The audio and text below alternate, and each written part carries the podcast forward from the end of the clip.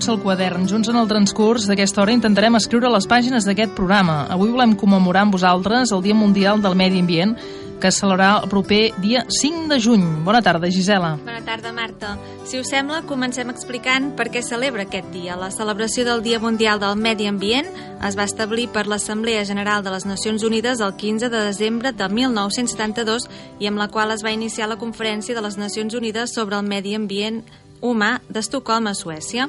Alguns dels objectius d'aquest dia són donar una cara humana als temes ambientals, animar les persones a convertir-se en agents actius del desenvolupament sostenible i equitatiu, promoure la idea que la societat és fonamental per a canviar les actituds en relació als temes ambientals i impulsar una societat que asseguri a totes les nacions i persones el gaudiment d'un futur més segur i més pròsper.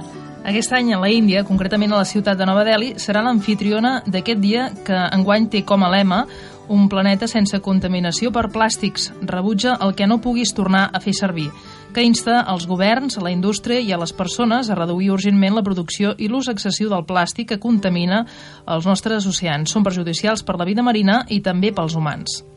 I abans de presentar els nostres convidats d'avui, volem introduir unes càpsules que aniran sonant durant tot el programa. A les càpsules hi trobarem diverses frases de personatges cèlebres com Albert Einstein o proverbis que fan reflexionar sobre com tractem el nostre planeta. I dit això, anem a conèixer els convidats d'avui.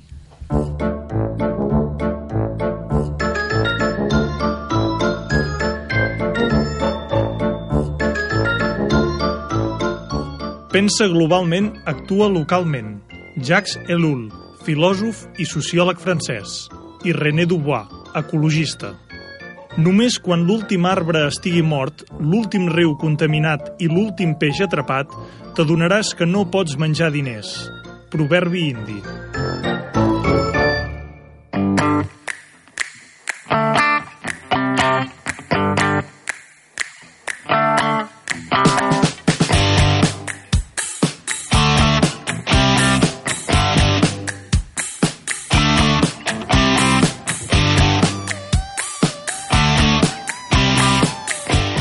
Fet ja, ja diuen, Gisela, que els proverbis eh, tenen molta saviesa perquè pensen el globalment, actua localment, la importància dels petits gestos. I tant, com sempre, hem de fer... Nosaltres ens hem de moure no?, per poder canviar el món. Petits gestos que són importants. Presentem avui els convidats que tenim a la nostra taula. La primera és la Ginés Tamari, presi presidenta del grup de defensa del Ter. Ginesta, moltes gràcies per ser avui aquí amb nosaltres i molt bona tarda. Hola, bona tarda. Avui eh, parlarem una miqueta, potser, de, de les moltes activitats que, que feu i que, de fet, Manlleu ja n'és coneixedora, però potser una de les preguntes claus abans de poder explicar tot això seria preguntar quan vau veure ten, o vau tenir la necessitat de, de crear eh, el que seria el GDT? El grup de defensa del Ter es va crear fa gairebé 30 anys arran d'un episodi de mortaldat al pantà de Sau. En aquell moment hi havia molt poca normativa mediambiental i un grup d'amics van observar que morien molts peixos al, al riu. Llavors, eh, arran d'aquí, es va crear el grup de defensa del Ter amb la intenció de protegir el Ter. Vam sortir del riu, el que passa que ara ja estem en moltes altres temàtiques. Una necessitat puntual que en el seu moment va néixer i que ja continueu i veient la necessitat de continuar treballant. No va ser només una cosa que va ser potser en una acció concreta, sinó que hi ha molta feina per fer de ben segur en aquests anys. Uh, I activitats n'heu fet també moltíssimes, uh -huh. i d'altres que en feu actualment. Ens podries explicar algunes d'aquestes que, que estigueu ara mateix en ment o que porteu a terme? Clar, nosaltres ara mateix estem, per exemple, fent el, el camí vora Ter, del qual en fem una neteja i fem les marques. També portem l'embarcador al Ter, que és un projecte per acostar la gent al riu, que fet va ser un, un projecte molt, molt innovador perquè aquí a Manlleu el riu estava i està encaixonat com en moltes ciutats europees i des del grup de defensa del Ter el que vam fer va ser obrir l'accés al riu no? i tornar a donar valor a aquest medi que, que ens sustenta i que sembla bueno, que ens anem allunyant cada, cada dia més. També treballem en temes de contaminació atmosfèrica, Ara d'aquí poc organitzarem diverses xerrades a, a la comarca, també en col·laboració amb Ecologistes en Acció, i morem una exposició que s'ha fet sobre aquesta temàtica. És que aquí a Osona, en veritat, hi ha moltes problemàtiques no? i tens per triar. Llavors, més estem amb el tema de, dels porcs, volem fer un Porc Aventura 2, que és un viatge amb autobús. Ja vam fer el Porc Aventura 1, en el qual vam visitar les causes del, del tema de, de la problemàtica dels ports i ara vam dir, home, sempre sembla que ens quedem en la part negativa, fem la, fem la part positiva i volem fer el Porc Aventura 2 d'alternatives. Uh -huh. Perquè creiem que l'ecologisme, a part de denúncia, ha de fer un nou pas que és donar un futur, donar opcions d'un futur, perquè no arribem en aquest punt de que ja tinc, no ens quedi ni un arbre ni un riu. Hem de ser capaços com a humanitat d'avançar-nos a, a aquest fet. I a nivell d'Osona, en aquest cas, us sentiu acompanyats també per diverses entitats? O mm. que us donguin suport, que, que ratifiquin el que esteu fent? Treballem a vegades amb el Museu del Ter, però en veritat el, el tema de, de medi ambient eh, et sents una, una mica solitari en aquesta lluita és un col·lectiu que es dediqueu a fer activitats i que són molt importants a nivell de comarca, ja no només de Manlleu, però a vegades sembla que, que manqui aquesta solidaritat, però que no només és puntual, sinó que és a nivell social, que després en parlarem eh, amb la Gisela d'algunes de les notícies que hem trobat i que giren precisament entorn a la necessitat de que ens ho hem de creure i fer-ho potser més nostre tot plegat. Um, eh, el Ter, eh, concret, hi té algunes característiques, alguna fauna, alguna flora eh, què és el que hi podem trobar? El tema, la importància clau del riu Ter és que és el riu, el riu més gran de Catalunya, perquè l'Ebre no ens pertany, pertany a l'estat espanyol. Uh -huh. Llavors, és un riu del qual s'abasta la major part de la població de Catalunya. I, a part de, de, del tema de la flora i fauna que hi viu, que dona les característiques de, de la zona on estem, on estem vivint. Llavors, eh, nosaltres el, el tema de l'aigua sempre l'enfoquem des de tres, tres potes. Una és contaminació, l'altra cabal i gestió. bueno, ara aquí em podria enrotllar molt, però tots tot aquests tres temes acaben siguent per protegir la flora, la fauna i les persones i les activitats econòmiques també que es desenvolupen a l'entorn del riu. I vosaltres com controleu per veure, per exemple, això, eh, d'uns mesos o a uns altres, o d'uns anys a uns altres, quins estudis feu? Uh, mireu l'aigua com està? Com, com, com ho gestioneu una miqueta, això, per fer el seguiment? Nosaltres ara mateix el que fem ja des de fa uns 20 anys, i ho fem cada, cada gener i febrer, és analitzar 170 fonts de la comarca d'Osona i analitzem el contingut en nitrats. Llavors això traiem un mapa que ja, de fet tothom l'espera una mica, mm. no?, per veure quina ha sigut l'evolució de la contaminació per purins a la comarca d'Osona. Pel que fa al riu, no fe, nosaltres no fem aquestes analítiques a no ser que hi hagi un abocament, no?, que ens hagin fet mm. una denúncia de on dia que hi ha hagut un abocament en aquesta riereta, llavors sí que anem allà i fem, fem un mostreig i després denunciem a qui, a qui toqui. Molt bé, uh, el seguiment aquest. I en relació, parlàvem un moment de, del Ter, lògicament, que ens comentaves ara un moment, eh, Ginesta, que és, un de, és el riu potser més important de Catalunya que tenim i això, i aprofiteu molt bé el que seria al voltant del Ter, perquè ja fa uns quants anys que vosaltres també esteu a l'embarcador. Hmm. L'embarcador és un d'aquests espais que comentava constructius, en el qual és un xiringuito, en el qual oferim productes que són de temporada i de proximitat. Ja acostumant a la gent i fent veure que hi ha un altre tipus de consum, un tipus de consum responsable que no implica tantes conseqüències negatives pel medi i al final per nosaltres mateixos. I tinc entès que la, la inaugureu ja, aquest cap de setmana, crec. Demà mateix l'inaugurem, a les 11 del matí i a la tarda hi haurà un concert de glosadors uh -huh. a les 6 amb llimoneta per tothom doncs, animar la gent que ens estigui escoltant de, que demà doncs, s'hi pugui acostar i veure aquesta inauguració que de ben segur eh, donarà molt bon resultat i que ja porteu molts anys precisament a l'embarcador amb aquesta dinamització no només de l'espai aquest que comentàvem ara mateix al bar sinó de les activitats també que s'hi porten a terme que són diverses, siguin culturals o, o també de música moltes vegades mm. i és un punt on es reuneixen és curiós, quan, quan hi has anat, eh, gent de diferent edat. Vull dir, tant hi pots trobar nens i nenes com hi trobaràs pares, avis, àvies, i realment trobar un punt d'unió, doncs, a vegades és molt complicat, i vosaltres, en aquest cas, amb l'embarcador ho heu aconseguit. Mm, sí, sí, trobes totes, totes les generacions, perquè, clar, és un espai que ja, ja és l'espai en si, que ho provoca, És un espai això. molt acollidor. És un espai tan bonic i tan preciós al costat del riu que tothom vol anar-hi i disfrutar. I tant que sí. Doncs seguim presentant la taula rodona.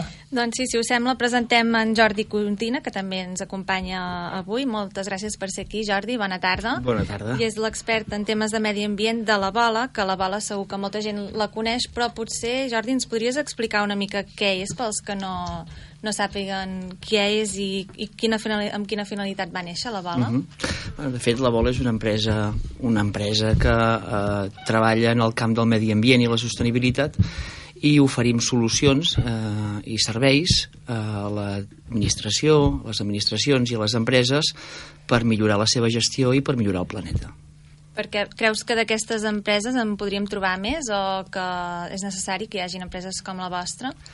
Home, empreses en el sector del, del medi ambient i la sostenibilitat n'hi ha, ha forces, no? Mm, de fet, eh, nosaltres vam, vam néixer a Matlleu i tenim la, la, la seu, les oficines centrals a Matlleu, però tenim, tenim hem crescut, som aproximadament en aquests moments 250 persones que treballem a l'empresa, tenim una oficina a Barcelona, una oficina a Madrid, ens hem internacionalitzat i tenim una oficina a Colòmbia, a Bogotà, i, i bé, una mica doncs, treballem amb diferents, com dèiem, diferents solucions, molt lligades totes amb el camp del medi ambient i la sostenibilitat, i, i bé, contents. Com has dit que teniu la seu aquí a, aquí a Manlleu, segurament que molta gent han vist aquest edifici on esteu ubicats, que és un edifici una mica característic, no? Perquè podríem dir que és, és com molt sostenible ell mateix. Ens el podries explicar? Mm, vam intentar, quan eh, vam construir la nova seu el 2005, doncs vam intentar que, que, que l'edifici fos, eh, fos eficient i fos el, el, el més respectuós amb l'entorn i amb el medi ambient possible. De fet, ens vam intentar aplicar nosaltres mateixos el que, el que treballem amb els nostres clients. No? I llavors, en aquest moment, doncs, es, va, es va intentar doncs, eh, dibuixar aquest nou, equip, aquest nou equipament per tal de que doncs, eh, primer els, els que hi treballem i treballem còmodes i treballem bé i a més a més doncs, eh, fem una activitat que la petjada, podríem dir, eh, la petjada ambiental, la petjada de carboni i, la, i els consums eh, de, de recursos, d'aigua i d'energia siguin els, els més baixos possibles. No? I que existeixin empreses com la vostra vol dir que realment encara queda molt per fer, no? Perquè que tot sigui molt, molt sostenible? Home, com deia la Ginesta, mm, eh, queda molt camí per recórrer està clar, eh? però jo ara recollint el que, la presentació del grup de defensa del DER, de fet, quan, quan presentava el naixement ja ho recordava perquè jo era el, vaig ser un dels, dels membres que vam estar en aquella taula al Col·legi Casals Gràcia l'any 88 i tot va sortir bàsicament per, per la indignació eh, era un estiu que feia molta feia, hi havia una sequera molt important i l'any 88 i eh, 30 anys enrere i mm, eh, els pobles eh, eh, no tenien cap mena de, de depuració a les seves aigües, és dir, a Malleu, a Torelló, a Vic, doncs totes les clavegueres de les indústries o les clavegueres de les cases anaven directament al riu. Llavors, amb un, amb un, amb un episodi de molta sequera i d'una aigua molt, molt, molt contaminada, eh, va haver-hi un episodi molt dramàtic de que el pantà de Sau va quedar doncs, eh, amb milers i milers de peixos morts. I això, que es va fer evident el problema que ja feia temps que hi era, va ser quan eh, diferent gent de diferents sectors eh, eh, s'ha de fer alguna cosa i aquesta s'ha de fer alguna cosa va ser crear una estructura, una associació i comencem eh, a divulgar que s'ha de canviar. Amb aquests 30 anys, de fet, jo abans de venir aquí he, he anat a córrer una mica i vaig sovint per al passeig. El riu està espectacular, el passeig del Ter està espectacular, és dir, fer una passejada eh, de Malleu al pont de la Gleva és, és, un, és un regal, no? I sí que és cert que en aquests 30 anys el, el riu ha millorat moltíssim. A més, ara que eh, aquesta primavera, per sort, és una primavera amb molta aigua, eh, realment el riu està espectacular a nivell de biodiversitat, a nivell d'aigua, a nivell de, de tot. Per tant, sí que hi ha hagut una millora, eh? Això no vol dir que, com abans parlàvem, abans de, de, a micro tancat, de, de, de diferents problemàtiques, encara hi ha moltes problemàtiques i encara hi ha molt camí a recórrer, per tant, encara en definitiva empreses com, com la Bola que puguin acompanyar doncs, eh, amb, amb, amb altres empreses o amb altres organitzacions a millorar doncs, eh, la seva gestió penso que serà necessari i important. No? La bola està relacionada amb Manlleu? Feu algunes activitats per donar-vos a conèixer o per ajudar en el medi ambient a Manlleu? Mm, a banda de que dintre, diguéssim, eh, la nostra, diguéssim, que mm, oferim que vinguin escoles a, a visitar el, el nostre edifici, en diem ecodifici, eh? però, però sí que, que treballem per ajuntaments i treballem també per l'Ajuntament de Manlleu amb diferents projectes, no? Uh -huh. I com has dit abans, eh, com, com està el tema del medi ambient? Has dit que ha anat millorant, però aquí a Manlleu ens podries fer alguna valoració? La podria fer, la podríem fer compartida, si voleu, eh? Sí, si voleu la podeu fer Jo, compartida. jo crec que, que hi ha una colla d'aspectes que, que han millorat i a més si fem, si fem una, una, una retrospectiva, per exemple, el que comentava abans de, de la, dels rius, de la, de la neteja dels rius, també ho podríem aplicar amb el tema dels residus, de les deixalles. Val? Eh, aquella època, l'any 88, a la comarca d'Osona hi havia 28 o 29 abocadors incontrolats cada ajuntament. De fet, Matlleu, eh, totes les deixalles de, de Matlleu anaven al Gelabert, on hi ha la depuradora municipal ara d'aigües, anaven allà i la gent, eh, la brigada municipal amb el camió recollia les bosses i les llançava allà i les cremava i tan panxos. Val? I el mateix passava doncs, a, a, a Vic, i el mateix passava a Tona, i per exemple a Sant Hipòlit hi havia un abocador que abocaven a la vessant de la muntanya i es veia des de tota la Sí, plana. sí. No? I això només 30 anys enrere. Per tant, eh, ara, diguéssim, en el camp de, dels residus municipals, per exemple, és evident que hi ha hagut una millora. És evident hi ha hagut una millora i és evident doncs, de que eh, aquests, aquest, aquest dibuix, que, aquesta foto que jo ara faig no hi és. Això no vol dir que hi hagi molt camí a recórrer. És a dir, en aquests moments a Manlleu, parlaves de quin és l'estat de Manlleu, els nivells de recollida selectiva de Manlleu no són gens dolents, al contrari, són bons, i si ho comparem amb la mitjana de Catalunya, mo- molt bons, és a dir, a nivell de, de Catalunya, la mitjana eh, de, de Catalunya recull eh, un 45%, més o menys, o un 46% dels residus de manera selectiva, i la resta encara van al rebuig, eh, i per tant al- a l'abocador o les incineradores, i a Manlleu aquest, aquest percentatge és, és molt superior, està al voltant del 60, per tant som dels, de les ciutats, dels municipis que ho fem, dels que ho fem bé, eh, estem a la banda alta. Això no vol dir que no hi hagi molt camp a recórrer. I moltes d'aquestes millores evidentment pots reclamar millores en el servei, pots demanar que, que l'Ajuntament posi més contenidors o canvi el sistema o el que sigui, però moltes d'aquestes millores recauen en l'actitud d'un mateix. No? I, per exemple, doncs, amb aquest tema, eh, com amb, amb, amb d'altres, doncs, eh, bona part de la solució està amb, amb la manera d'actuar d'un mateix. No? El que dèiem abans, els proverbis, no? Que cal actuar de, cadascú per poder canviar alguna cosa. Sí, sí, aquest pensar globalment i actuar localment és, una, és, un, és un bon realitat. proverbi, sí, sí, sí. Si us sembla, ara escoltem una altra càpsula.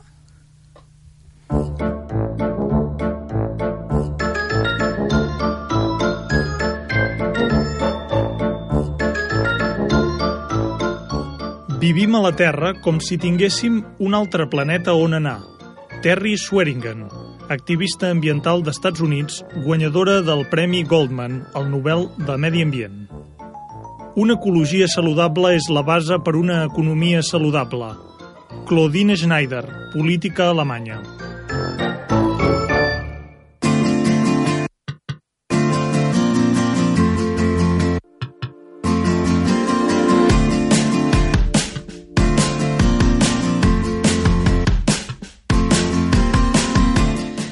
Per començar el debat us anirem llegint diferents no- notícies o articles sobre temes diferents. La primera parla del plàstic, lligat precisament amb el que ens comentaves fa un moment, Jordi, de, de tota aquesta necessitat moltes vegades que tenim de, dels petits gestos per canviar altres coses. Eh, hem, hem, com hem dit, eh, és el tema del Dia Mundial del, del, del Medi Ambient d'aquest any i atenció amb aquestes dades extretes de la ONU que tot seguit ara mateix us, us llegirem. Diu així, diu en tot el món es compren un milió d'ampolles de plàstic cada minut. Cada any s'utilitzen 500 milions de bosses de plàstic en tot el món. Un 50% del plàstic s'utilitza només una vegada. El plàstic és el 10% de tots els residus que generem. En l'última dècada hem produït més plàstic que en tot el segle passat. Cada any s'aboguen fins a 13 milions de tones de plàstic als nostres oceans, on amenacen el corall i a la fauna marina vulnerable. Aquest plàstic que acaba als oceans pot rodejar la Terra quatre vegades en un sol any i pot romandre en aquest estat durant mil anys abans no es descompon completament. Realment són dades que et fan reflexionar perquè eh, petites coses que a vegades no n'hi dones importància tenen resultats realment eh, espectaculars. Què en penseu? Què, què, suposo que aquestes dades vosaltres ja les teniu més per mà. Nosaltres, si més no, quan l'hem llegit per primera vegada, tens tota aquesta informació junta i, i et sorprens, Inesta. No sé...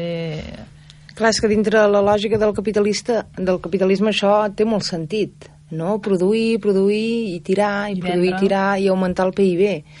Tinc un amic que, que és geòleg, un dia em va fer una reflexió que, que la vaig trobar molt interessant, va comentar, diu, imagina't, d'aquí milions d'anys poder haver una altra raça a la Terra o una altra raça que evoluciona sí, sí. i ens podran datar pel plàstic perquè haurem deixat una capa de plàstic a tot el planeta, no? I quan ho penses, fa vergonya. És el que deixarem? Això deixarem a la, a la Terra? Quedarà. De fet, ara envia la imatge, mentre comentàvem i llegíem totes aquestes dades extretes de, de la ONU, de, uh, si ara mateix ens, ens reflectíem, uh, no sé si heu vist un... És com un... No seria ben bé anunci, però sí com una difusió d'un vídeo que es passa on es dona la importància sobretot de, de cuidar el nostre entorn, que a vegades sembla que sigui una cosa que veiem molt llunyana, i es veu la imatge en un moment determinat d'una noia que camina pel mig de, de la ciutat, d'un carrer, i que comença una ventada i que li comencen a anar doncs, a, a la cara mentre ella va caminant bosses de plàstic i bosses de plàstic realment és un vídeo bastant eh, espectacular, que ara sí que en fan difusions a, a les escoles precisament perquè el dia 5 de juny doncs, és el Dia Mundial del Medi Ambient i perquè doncs, es pugui ser visualitzat amb els infants. Uh, a vegades es necessita una fotografia o es necessiten unes dades com les que avui us hem llegit o es necessita veure un vídeo per donar-te compte que realment no és cap exageració. És que mm. un dia de ventada, eh, realment, moltes vegades papers i tot et passen no? pel costat, i en aquest cas bosses de plàstic també. I ja no diguem això, eh, quan a vegades vas a la platja a l'estiu i, i et trobes bosses de plàstic, que dius, home, no, eh, no, és, no és possible. De fet, hi ha una portada, si no m'equivoco, del National Geographic on ensenyen una bossa de plàstic que sembla un iceberg, la, el, el foto de, la fotografia, el muntatge és aquest, i realment també t'impacta, no? perquè dius, ostres, pensant una mica en el que ens deies ara tu, Ginesta, potser sí que d'aquí uns anys quedarem com l'era dels plàstic i la imatge que tindrem serà aquesta. Per mm. tant, tant residu que hem arribat a generar i que realment tampoc era necessària. Tu, Jordi, com ho veus, això? Sí, sí, que és un problema molt gran. I, i per exemple, aquest problema el, el veus, t'impacta quan viatges en algun país doncs, que Eh, aquí els mercats dels pobles d'aquí, com que a, a darrere del mercat hi passa una brigada de, de persones que ho netegen tot, no, no és tan evident, però si vas amb, amb, fa, un, fa uns, uns mesos la meva dona va estar al Senegal i, i, i és clar, una de les coses que, que s'obtessen els mercats, eh, que són quatre parades, eh, els plàstics, els plàstics voltant, voltant per, per tot arreu, no? I, i que perduren, no? Perquè allà ningú els recull. Aquí estaríem igual si ningú a darrere els recollís, no? Per tant, sí que és un, és un problema, és un problema que passa, per una banda, perquè hem de canviar els hàbits de consum, i passa perquè s'ha de regular, d'alguna manera, eh, eh, tot aquest tema més de, de producció i d'empaquetat de, i, de, i, de, i, de, i de la manera de, de, de presentar no, els aliments. Mm. Si ara anéssim a qualsevol supermercat de Manlleu veuríem milers de persones comprant i jo a casa ho veig. És dir, jo a casa eh, la, la bossa que el cubell que em preocupa més i queda buidar més sovint és el, de, el del multiproducte mm. sí, és, que és, sí, sí. és que és continu és dir que que vas a comprar i, i, i omples la nevera i a l'omplir la nevera ja vas deixant un pilot d'envoltori i això costa, és dir, has de, has de pensar eh, de fer una compra més responsable, però la veritat és que no, no ho tenim fàcil, perquè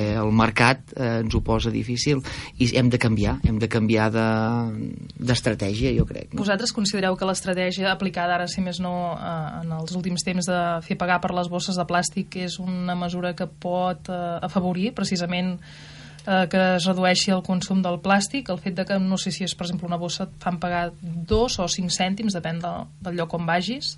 Pot ser una mesura... És una mesura, s'han reduït. Hi han dades des de que, per exemple, a Catalunya són, em sembla que fa dos anys que, que s'han regulat primer en grans superfícies i a partir de no sé quin any a tots els comerços, doncs eh, ja s'ha vist un, un canvi, una baixada de, del bossa, del, de la quantitat de bosses de- d'un sol ús, que són aquestes que, que em sembla que el temps que dura una, una bossa d'aquestes que estem Sí, sí, parlant sí, sí.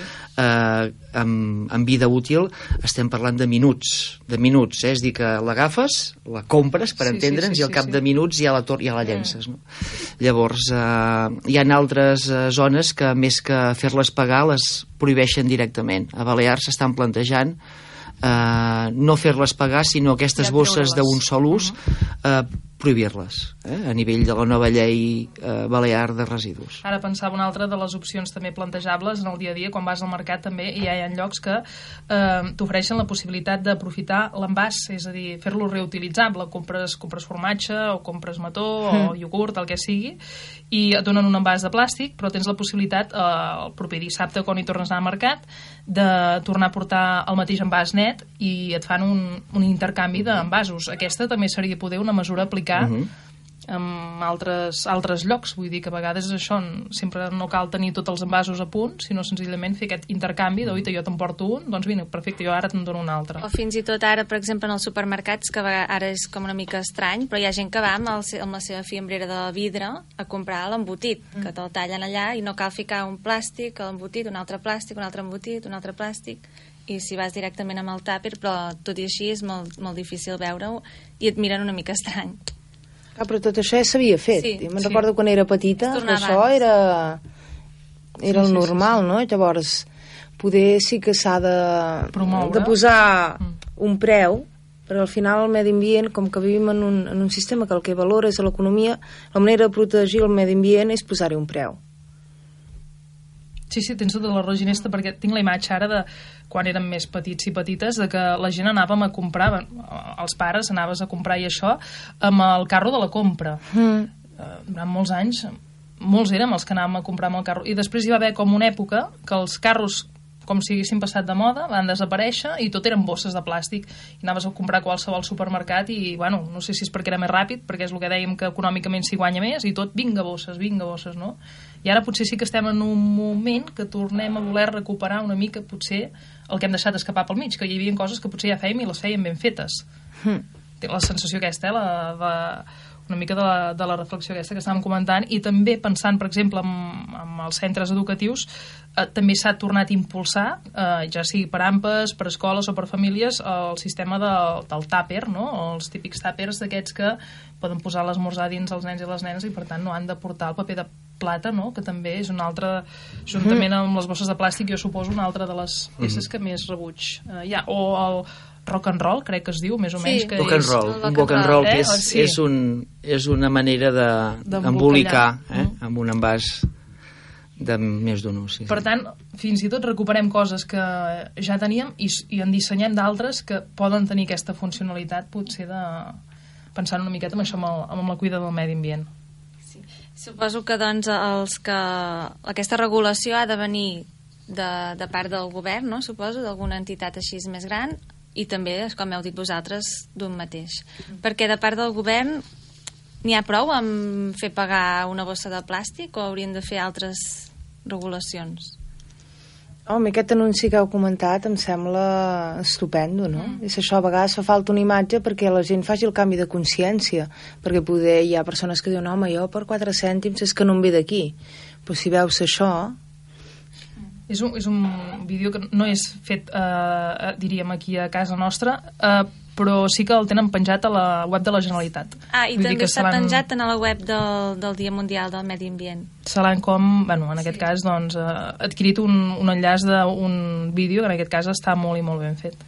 Hi ha un vídeo, ara que parlàvem de vídeos, n'hi ha un que, que és impactant i es veu vaig veure fa temps i no me'n recordo gaire, però es veu un restaurant eh, amb molta activitat, els cambrers recullen plats, eh, vale? I, i tots els plats, tot el menjar que tiren, no tiren menjar, tiren diners. Eh? I, veus, I tu veus que estan, estan tirant, però estan llançant a les escombraries diners. I en definitiva el malversament alimentari és llançar diners en definitiva, Sí, a part de que pots tenir altres motius ètics però és que estem llançant diners a les escombraries. Per tant dius home no té sentit no té sentit.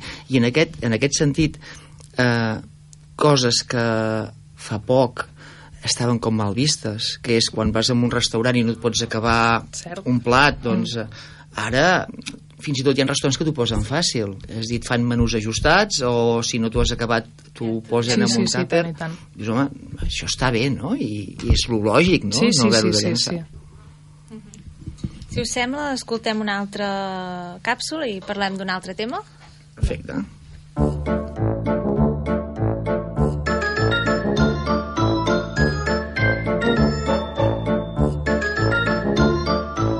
Realment tot es redueix a això. Tota la vida està interrelacionada. Tots estem atrapats en una xarxa, cosits en un sol destí. El que afecta un ens afecta a tots indirectament. Martin Luther King Jr., religiós i activista. déu nhi també aquesta, eh? Um, continuem amb una altra notícia, perquè parlant abans que has parlat de la recollida selectiva, doncs precisament parlarem d'això. A Osona continua al capdamunt de la llista de comarques de la Catalunya central amb una millor taxa de recollida selectiva. Concretament, l'any 2016 es va situar al 51,88%, mentre que la mitjana catalana és del 30,41%. De fet, Osona ja fa anys que té el porta a porta implantat a, a gran part dels seus municipis i la comarca se situa entre les tres primeres del país. A Catalunya hi ha una taxa del percentatge del 30%, mentre que Europa estableix que aquesta taxa ha de ser del 50% o havia de ser el 50% l'any 2010 i del 65 al 70% l'any 2030.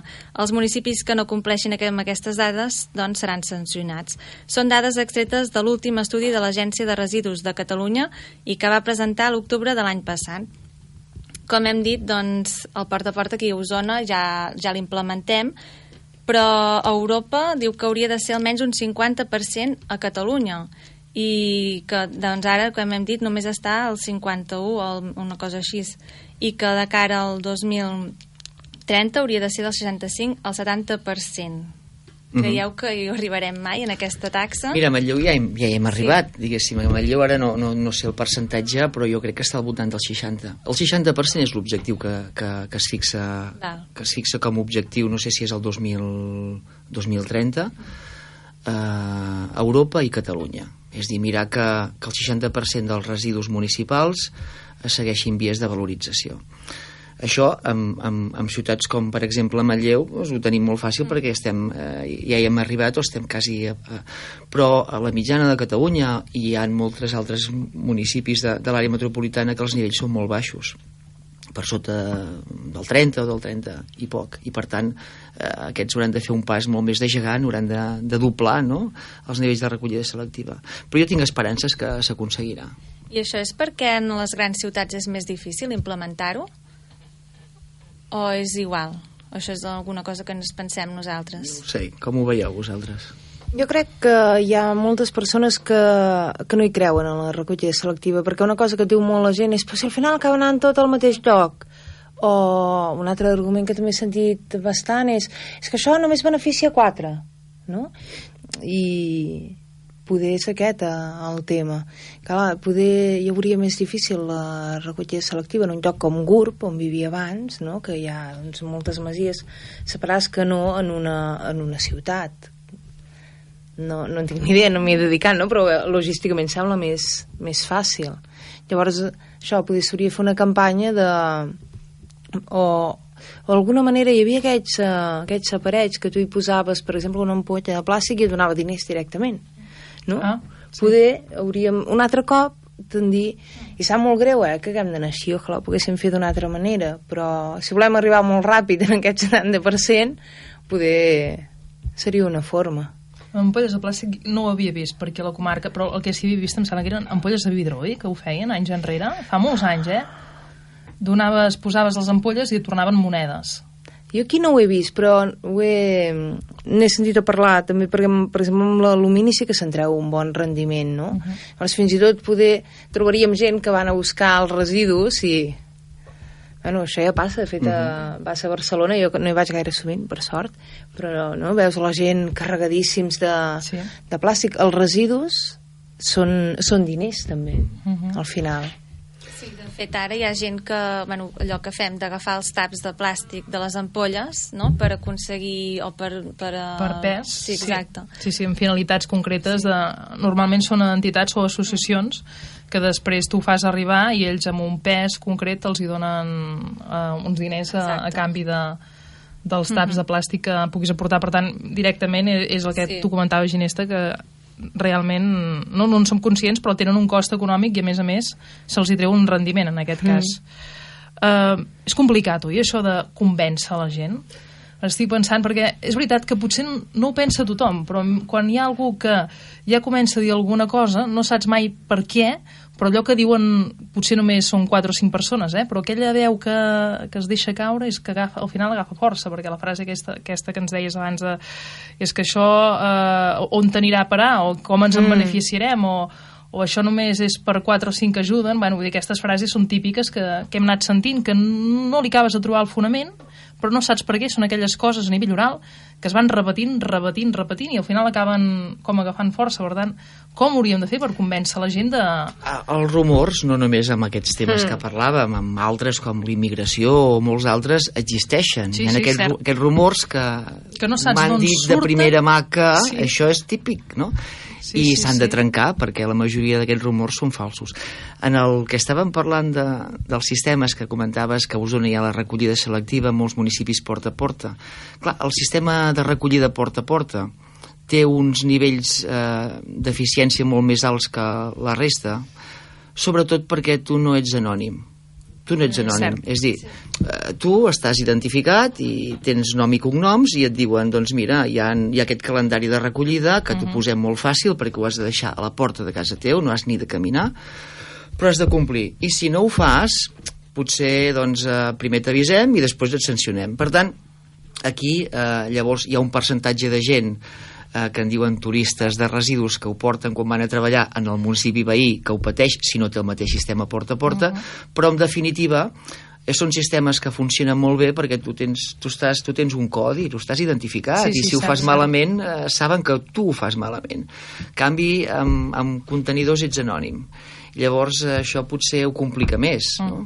però jo crec que, que bé, si s'expliquen els motius i les avantatges de fer-ho bé, i jo penso que aquestes avantatges que comentaves abans, Ginesta, eh, per què ho hem de fer-ho, per què hem de recollir selectivament, en el fons en el fons hi ha un, una explicació econòmica, és a dir, si ho fem, si ho fem bé, si recollim, si separem correctament, eh, és més barat per l'Ajuntament fer la recollida selectiva i cada cop ho serà més, perquè cada cop, eh, diguéssim, la, les administracions que regulen faran pagar més, faran pagar més eh, el fet de fer-ho malament. Mm? Per tant, hi ha, hi, ha, hi ha taxes, hi ha cànons que si ho fas malament has de pagar molt més que qui ho fa bé. Per tant, fer-ho bé al final també tindrà doncs, avantatges econòmiques, que potser aquestes avantatges econòmiques, aquests, aquests, diguéssim, aquests incentius econòmics han de ser encara molt més forts perquè siguin més evidents i la gent estigui, doncs, ho vegi més,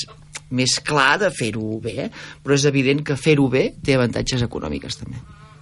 Perquè el reciclatge, allò que deies tu, que hi ha gent que, que creu que, que no funciona, funciona realment o no? És important reciclar? Home, estem portant molts residus fora de, de Catalunya. Jo no sóc gens experta en el tema, eh, però vaig veure unes imatges de tonelades i tonelades de llaunes que se les enduien, eh, a Xina. I Xina ens les comprava a un alt preu. Llavors, eh, bueno, potser també el tema seria eh, plantejar-nos de fer el, tot el reciclatge aquí. Jo no sé si es fa tot aquí, que recicla, sí, i que reciclarà més, segur, perquè cada cop l'accés als recursos és més complicat. Ja s'estan plantejant, ja hi ha un tema que sembla ciència-ficció, de dir, fem els abocadors ordenats, perquè així a les generacions futures els hi posarà més fàcil l'accés als propers re recursos que seran els nostres abocadors. És que sembla ciència-ficció, però això probablement la humanitat ho viurà.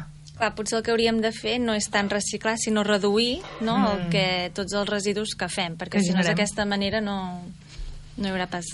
la reducció, és a dir, fer menys, Sí.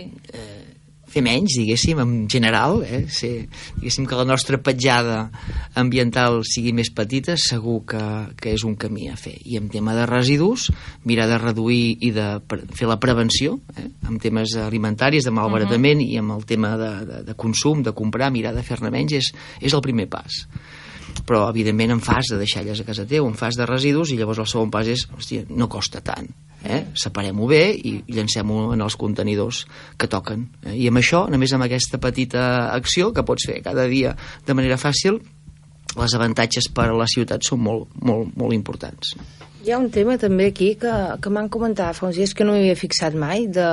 Fixeu-vos-hi quan aneu al supermercat que molts menjars preparats i que són molt insans van molt envasats. Llavors, eh, moltes vegades el fet de tu tenir una dieta més sana i menjar més verdura, comprar la carn a carnisseria de confiança, tot això, ja et porta a tenir menys residus. És que tot al final està relacionat, o fins i tot si no per, vas per la carretera i veus els productes que tiren són menjar merda, mal dit, eh? I el menjar merda genera merda a tot arreu. Vull dir, des d'origen fins que la gent ho consumeix i ho tira. I això és increïble, ho van explicar, i des de ho van explicar que m'hi fixo i dius, oi, pues sí, sí que es compleix, no? Cert. Jo, jo, bueno, la reflexió que fèieu al començament, Jordi, que m'ha fet gràcia, perquè has dit una cosa ben comuna que ens hi trobem tots, que la majoria de residus que generem tots són els plàstics, precisament, i els cartrons i totes aquestes coses. Realment, si a nivell eh, de societat, no vull dir precisament només a la gent del poble, eh, si, vull, si vull dir a la gent, en aquest cas, que, que inverteix, les grans empreses, eh, a nivell polític, eh, no sé, eh, una mica a nivell de l'engròs, si realment s'invertís en aquest tema, de ben segur és el que dèiem, mm, no generaríem tants residus perquè eh, és que ens ho posen amb safata. Tu vas a comprar al supermercat i és això que dèiem. Eh, entre eh, brics de llet, eh, brics de fruita, eh, bosses eh, per comprar la fruita, bosses per comprar el no sé què, eh, una cosa que vols comprar, doncs que no, que ja te l'han envasat d'aquella manera perquè, i al final acabes arribant a casa amb un pilot de, de brics, de plàstics, de bosses, i que al final és el que deies, eh? no, no tenen pas una durada més llarga de d'uns minuts i en canvi allò es converteix en una gran bossa de deixalla que és la que acabes tenint tu, que llavors amb el porta a porta l'acabes traient, no? però realment sí que ens ha de fer reflexionar perquè si cada família generem tants residus clar, aquí alguna cosa no va bé i en mm. aquest cas no vull dir només la gent del poble, eh? vull dir a nivell, eh, hi ha un àmbit eh, més gran, a nivell d'empreses, que alguna cosa hauria de poder canviar i ens hauria de poder ajudar per donar sentit al que estem dient. Mm -hmm. Cert. Mirant en positiu, eh, sí que és veritat que hi ha algunes empreses, de fet nosaltres col·laborem amb alguns projectes amb, amb el que se'n diu economia circular. Hi ha empreses que aplicant principis d'economia circular el que intenten és que la seva, per exemple, doncs els seus productes que, que fan que doncs, eh, tinguin una petjada ambiental menor i una part de l'èxit és, per exemple, amb el, amb el packaging, amb l'embalatge, mm. no? i per tant sistemes d'embalatge de, de, més sostenibles, reduint embalatges innecessaris, etc., doncs ajuden a fer menys deixalles i ajuden a reduir, a reduir la petjada ambiental de, del producte. No? I hi han bastantes empreses que estan començant a, a treballar en aquesta línia per, eh, per eh, respecte ambiental i també per, respecte, per, per qüestions econòmiques, perquè si tu pots reduir, eh, per, exemple, per exemple no? una ampolla de vi, si pots reduir uns grams de vidre, mm. doncs eh, fas, fas molt menys pes i això a nivell de transport vol dir doncs, moltes menys emissions que si ho multipliques per als milers i milers i milions d'ampolles vol dir un, un, un valor molt alt però també vol dir que si fas unes ampolles amb menys vidre et costaran menys diners. Per tant, moltes vegades, insisteixo, les avantatges ambientals van acompanyades d'avantatges econòmiques. Avantatges no? econòmiques. Us sembla bé? Anem a escoltar una altra càpsula i continuem parlant.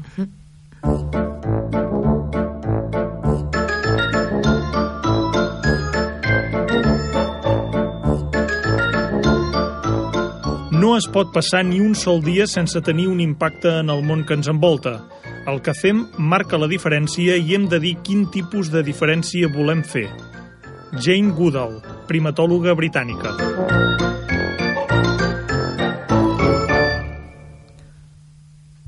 Realment hem estat parlant tota l'estona i anar escoltant aquestes càpsules, ara ja hem escoltat la darrera, però eh, la, el nexe comú que tenen no? és que les petites coses són importants i que nosaltres ens hem de marcar una mica cap al futur on volem anar, que això és lo important i és el que segurament, escoltant ara aquest últim tall de veu, la diferència és el que ens marca el que volem fer um, realment són coses i accions petites i importants les que es poden fer, com també moltes vegades les feina o les coses que es fan a les escoles. Podríem parlar ara mateix uh, d'algun exemple d'escoles, d'escoles verdes, de jornades de medi ambient, de com es treballa a partir de l'hort, de la protecció dels arbres de les escoles, de la reutilització del material, eh, tot donant una altra utilitat eh, amb aquest material reutilitzable, d'activitats per disminuir el malbaratament o, o els residus, entre d'altres activitats. D'aquí que, si us sembla bé, hem triat una notícia d'una escola que s'ha publicat a la web de la Mancomunitat La Plana, que és en aquest cas qui també moltes vegades assessora a diferents centres de la comarca. Uh, I per posar un exemple, hem buscat doncs, una d'aquestes activitats que s'han portat a, terme en un centre educatiu i que justament, segurament, el que intenten fer, com tants altres centres educatius, és petits gestos que acabin marcant la, la diferència una mica que com a societat on volem anar. L'escola Les Pinadiques de Taradell va iniciar aquest projecte, ara farà un parell d'anys, quan en una reunió de delegats es va veure la importància de tractar el tema del mal malbaratament alimentari. A partir d'aquí es va fer un recull fotogràfic dels residus a les papereres del pati de primària i van constatar que en alguns casos es llançaven restes de menjar. Durant el següent curs, sota el títol Cap menjar més a la brossa, es va decidir en una altra reunió de delegats a fer un estudi sobre què és el que es llançava a les papereres. Per començar, el que van fer en aquesta escola va ser el diagnosi que es va elaborar una grella que constava de diferents apartats, on hi havia menjar, cartró, paper, alumini, plàstic i altres. I cada apartat tenia la seva franja de color que corresponia amb els colors de la recollida selectiva. Cada grup de 5 o 6 alumnes s'encarregaria de dues papereres en concret i hauria d'omplir la seva graella. Un cop recollits els resultats, es van arribar eh, a fer arribar als alumnes de sisè per tal que els poguessin fer un treball de síntesi i que poguessin explicar aquests resultats recollits. A partir de les dades obtingudes es va decidir confeccionar un gràfic per cada dia on es poguessin veure quins eren els residus diaris a nivell de centre i un gràfic global que recollís l'estudi durant fet aquells 15 dies que havia durat aquest projecte que havien portat a terme. Fet l'estudi, els alumnes de sisè van passar per tots els grups classes de l'escola i van donar a conèixer els resultats obtinguts, els gràfics i les conclusions de l'estudi que ells havien fet. I finalment cal destacar des que s'està treballant el tema de la reunió de delegats, s'han disminuït les restes de menjar a les papereres i a partir d'una altra reunió va sortir la iniciativa de pintar les papereres dels patis segons fossin orgàniques, de la brossa o de plàstic i paper. Els mateixos alumnes són els que van fer la classificació i també van pintar eh, les papereres ajudats en aquest cas pel videll de l'escola. De fet, és una notícia com tantes d'altres que, que surten publicades i en aquest cas eh, ens hem fixat amb això, eh, amb la web de la Mancomunitat La Plana. Déu-n'hi-do, re rellegint tot aquest treball que havien portat a terme en aquest cas aquests alumnes, començaven per una cosa, en aquest cas era el malbaratament alimentari, un tema que els sembla que els preocupava molt, i van acabar amb un altre tema diferent que va ser el de la recollida selectiva. Realment, moltes vegades cal fixar-nos en, en un punt eh, per conscienciar-nos bé. Les escoles ens ajuden a fer aquest treball que mm. podem ajudar en els alumnes infants que després possiblement seran adults? Clar, i tant, és, és un dels tocs claus, no?, de, on ens formem com a persones i veiem quin és el nostre lloc al món. Jo vaig anar a l'Andersen, que és una escola que ja fa molts anys que es fan aquest tipus de dinàmiques i crec que soc ecologista per això, i bueno, perquè vivia en un lloc que estava molt contaminat per purins. Però, clar, en veritat, si quan ets petit pots quantificar no? i adonar-te on és que estem tirant tant i parles amb els companys clar, alguna cosa canvia dins teu i a més eh, el tema de, de que és algo amb continuïtat, que no és algo puntual d'un dia que et ve algú que t'explica una cosa, no? És un treball de temps. Això ho trobo molt interessant. Jordi, vosaltres heu dit que també fèieu coses per les escoles. Mm -hmm. També segurament va enfocat en aquest tema de conscienciar els alumnes. Uh... Sí, de fet treballem amb, amb la vessant més educativa, portant programes educatius, molts d'educació ambiental o portant la part educativa de, de museus de la ciència, com el Cosmocaixa, i passant milers de nanos i, i evidentment, doncs, eh, les escoles i els, i els, i els nanos doncs, són eh, un públic eh, molt interessant per eh, fer reflexionar, per, per eh, fer reflexionar i per plantejar aquests temes de cara eh, a, poder, a poder canviar hàbits i actituds. No? Abans, quan parlàveu de les escoles, d'aquest exemple, mm, d'aquesta escola de la Mancomunitat, hi ha un altre programa, no amb residus, sinó amb energia, que han implantat eh, a diferents escoles de, de la província de Barcelona i de fet a la, a la comarca d'Osona molt eh, per l'Agència d'Energia de, d'Osona que ho ha impulsat amb un programa que es diu Desendolla't uh -huh. ha tingut molt èxit i ha estat molt simple en definitiva és eh, les escoles moltes vegades, com amb la majoria d'equipaments, moltes vegades no, no es controlen a l'apagar llums, eh, no es controla el control de la calefacció, de vegades la calefacció funciona malament i, i està a tope i obrim finestres perquè tenim calor tenim moltes contradiccions energètiques, no? Doncs aquest programa, el que, aquest programa, el Desendolla't, el que feia era un acompanyament a les escoles i deia, t'ajudem a estalviar i com que segur que estalviaràs energia i diners, del que estalvis, la meitat anirà per tu. Vale? doncs aquesta, aquesta, diguéssim, aquest joc de dir, uh -huh. escolta'm, i aquí hi havia qüestions de, que s'havien de canviar, de fer inversions a l'escola, però hi havia molts temes de, de bones pràctiques, és dir, que si una aula està tancada, doncs el llum ha d'estar tancat, o si el servei de neteja neteja cada dia o cada dos dies, no ha d'obrir durant sis hores tots els llums de l'escola, si no es pot començar a treballar doncs, per, per, per fases, etc. Doncs, amb bones pràctiques i amb canvis Eh, d'inversions baixes uh -huh. eh, podien reduir una escola, de fet a l'escola que anaven els meus fills aquí a Matlleu van implantar el programa i van reduir en un any crec que 12.000 euros, dels quals 6.000 van anar a l'escola. Pues, escolta, l'escola tenia Cert. un pressupost anual de 20.000 euros. Sí, sí, sí, si te n'arriben 6.000 eh, és una part molt important del teu pressupost anual. No? Un, un programa que, si no m'equivoco, Jordi, més a més, que anava, el portaven a terme al Consell Comarcal uh -huh. i que mhm. van guanyar eh, ho vaig llegir amb el diari, ara no em facis dir quin premi, però sí que van guanyar tot un reconeixement uh -huh a la implementació que havien portat a terme a diferents escoles, aquest sistema domòtic de, per una banda, l'estalvi energètic, que es referia en aquest cas a, la calefacció i precisament a la il·luminació. Uh -huh. Cert, vull dir que realment van acompanyar, en el seu cas amb ells, els hi van fer aquest reconeixement uh -huh. que havien portat a terme gràcies sí. també a les escoles. Si us sembla, acabem parlant de l'aire, perquè hem parlat de la terra, una mica del, del mar, i la contaminació de l'aire, perquè s'ha realitzat una campanya de vigilància dels nivells d'ozó troposfèric a Catalunya. La campanya es du a terme entre els mesos de maig i setembre perquè és en aquesta època quan es produeixen les concentracions més elevades d'ozó, que poden donar lloc a superacions del llindar d'informació i o alerta. Degut a les, pot ser degut a les condicions meteorològiques, a alta radiació solar, temperatura elevada, fenomen de transport de la, de la marinada, que afavoreixen la formació d'ozó troposfèric. Durant aquest període hi ha permanentment una persona de guàrdia i durant aquests set dies de la setmana per tal de donar cobertura a les superacions que es produeixin per la tarda i en cap de setmana perquè és gairebé totes les superacions del llindar que tenen lloc a partir del migdia. A diari es fa el pronòstic dels nivells contaminants secundaris de Catalunya per al dia en curs i també per l'endemà.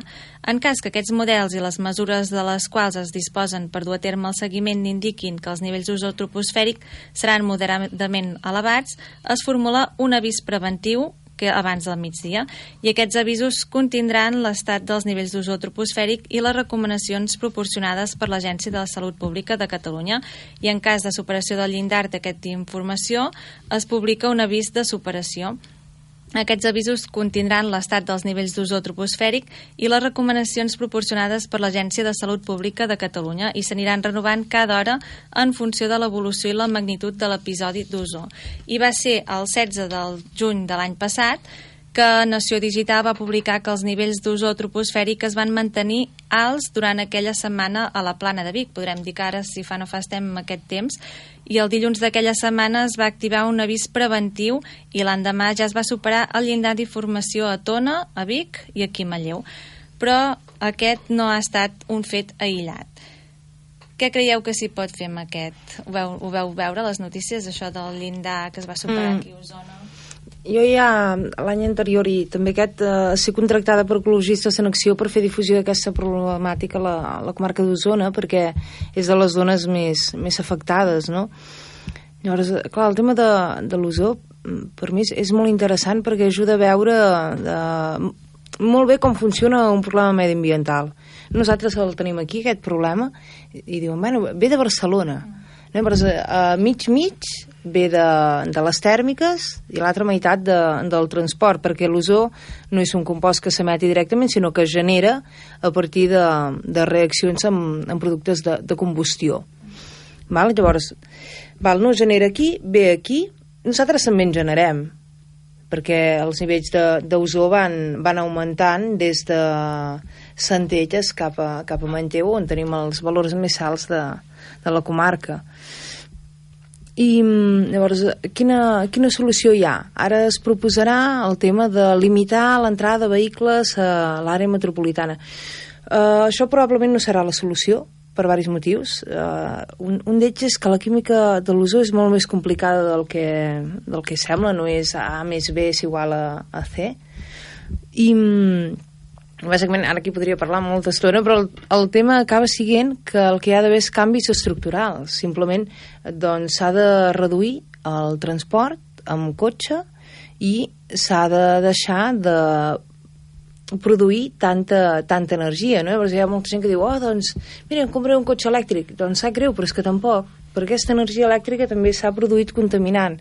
El que hem de veure és models de ciutat més sostenibles, encara que aquesta paraula ja s'ha usat tant que poder perdut el sentit, però ha d'anar per aquí. Promoure més el transport públic, potser mm. seria una opció. Sí.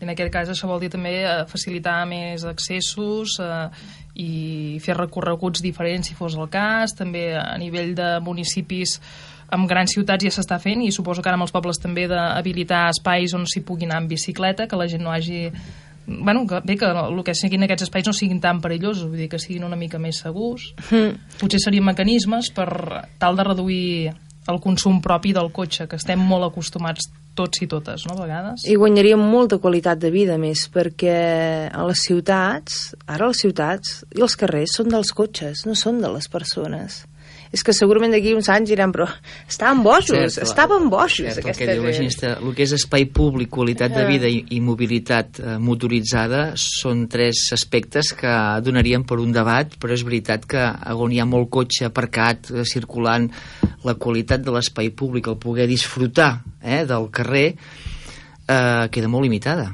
no? i per tant tot el que seria treure cotxes eh, de l'espai públic i, i donar vida perquè les persones i els nens hi puguin caminar, jugar o badar és una estratègia important. No? Que a nivell urbanístic ja s'hi està entrant una miqueta en aquest sistema de certs espais, sobretot del nucli intern de les ciutats, de convertir-los en zones peatonals i que no siguin tant d'accés de, de cotxes. No sé si seria una solució o no, eh? el cas de la Aquí plaça de Manlleu, que en el seu moment va portar una certa polèmica i una certa pressió política, perquè hi havia, hi havia pressió dels comerciants, etc. Mm -hmm. Jo penso que va ser un encert, personalment, el fet de, de prohibir el pas dels cotxes per la plaça i dona un espai molt més eh, viu, eh, tranquil, viu i tranquil eh? ara es tracta sense de que contaminació, cert, se, cert. Se, siguem capaços de dinamitzar la plaça això és un altre tema, no? però que realment el fet de que no hi passin cotxes eh, és un punt superbo per mi, eh, està clar ens queden res, dos o tres minuts aproximadament per anar acabant ja aquesta edició del quadern, però sempre demanem als convidats un missatge eh, de reflexió abans d'acabar en aquest cas eh, el programa del dia d'avui. Jordi, jo et demano, llavors li demano a la Ginesta, eh, quina idea t'agradaria poder transmetre a la gent que ens estigui escoltant, tenint en compte que una de les activitats o un dels dies importants que, que tenim és el dia 5 de juny, que serà el Dia Mundial del Medi Ambient, però que no vol dir que ens quedem només amb el gest d'un dia, sinó que l'hem de fer eh, els, tots els dies de l'any. Algun missatge jo, per quasi, convèncer? Quasi bé, um, un missatge. Doncs que, que si tenen un moment, una estona, passeixin pel costat del riu, badin una mica, respirin fondo i gaudeixin de la vida que hi ha i segurament només a, eh, això, a part de que els ajudarà a ser més feliços, els farà reflexionar també amb, amb altres coses. Però el missatge seria disfrutar d'una caminada pel costat del riu. Ginesta, és curiós perquè el missatge també va una mica en aquesta línia d'això comentant dels canvis petits. Jo crec que més que canvis petits, i a veure, jo em dedico a l'activisme, he dedico tota la meva vida, però és el canvi interior, el canvi de consciència. Crec que com a humanitat ens mereixem vibrar una mica més alt perquè tenim molta sort de viure en el planeta que vivim. Molt bé, doncs amb aquestes reflexions acabem el, prim, el programa del quadern. Ja n'hem omplert la tercera pàgina i parlem sobre el dia, parlant sobre el Dia Mundial del Medi Ambient que celebra el proper dia 5 de juny, com hem dit. Moltes gràcies a tots els convidats, moltes gràcies Ginesta i moltes gràcies Jordi i com sempre el nostre tècnic eh, de so, en Raimon Roma. I també moltes gràcies a tots els que heu, ens heu acompanyat des de casa durant tota aquesta estona. Abans de marxar, recordar-vos això, que demà tornem a sonar a través de l'antena de Ràdio Manlleu i que, com deia la Gisela, el dia 5 de juny ens podeu tornar a escoltar. Moltes gràcies i fins al següent programa.